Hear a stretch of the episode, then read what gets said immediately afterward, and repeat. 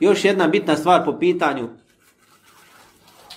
čuvanja ili obaranja pogleda, čuvanja očiju i stidnih mjesta od onoga što je zabrano, jeste da se čovjek udali od mjesta gdje će biti iskušan zabranjenim pogledom. I to je jedno bitno pravilo. Da se čovjek udali od mjesta, od boravka, nepotrebnog boravka na mjestima gdje će biti iskušan zabranjenim pogledom. I zato poslanik, alaihi salatu wasalam, hadithu kod imama muslima, kaže, hajru sufufi nisai ahiruha, wa šarruha awaluha, wa hajru sufufi rijali awaluha, wa šarruha ahiruha. Najbolji safovi žena, najbolji ženski safovi su zadnji safovi, a najgori su prvi safovi. A najbolji safovi muškaraca su prvi safovi, a najgori su zadnji safovi. Zbog čega? Dakle, ovo je poslanik sallallahu alejhi ve rekao kome? Rekao svojim ashabima koji su klanjali za kim? Za Allahovim poslanikom sallallahu Gdje? U njegovoj džami. Znači stvari koje koje nemoguće objediniti do sudnjeg dana. Najbolji ljudi jedan od najboljih mešćida i klanjaju za najboljim čovjekom. I safovi, žene koji se nalaze iza njih su najbolje žene.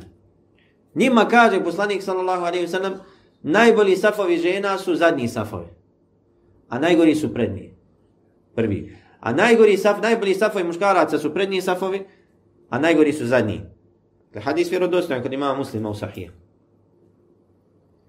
Zbog čega? Zato što onaj koji je u zadnjem safu, lakše će vidjeti žene koje su u prvom safu, ženskom. Dakle, prije će biti iskušan i doće u to stanje, situaciju da pogleda ono što je. Jer prije su tako džamije bile, nisu imali mogućnosti koje mi imamo danas da, da napravi sprat, da budu. Ne, nego bi žene dolazile, nakon što muškarci uđu u džamiju, dolazile bi, pa bi klanjale u zadnjem dijelu džamije. Pa im kaže poslanik sallallahu alejhi vaši najbolji safovi su oni zadnji. To jest žena koja zadnja dođe u džamiju.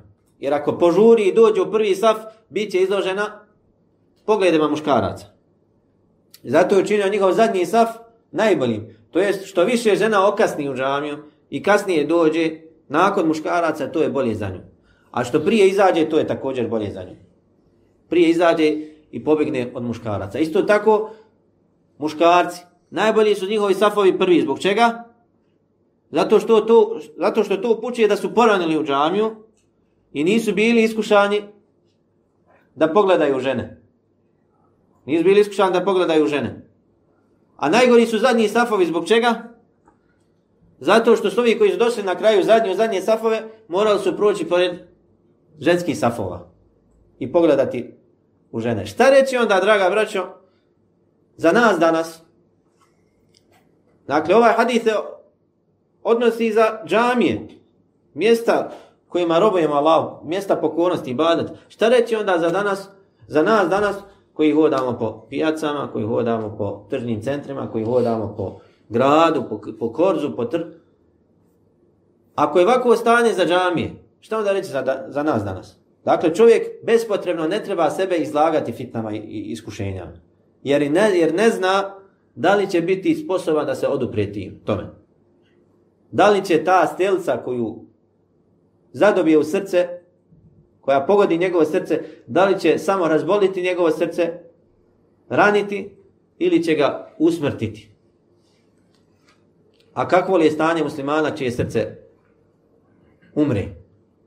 Onda ne pitaj o njegovoj vezi sa uzvišenim Allahom ne pitaj o njegovom odnosu prema haramima, da li je njegovo srce osjeća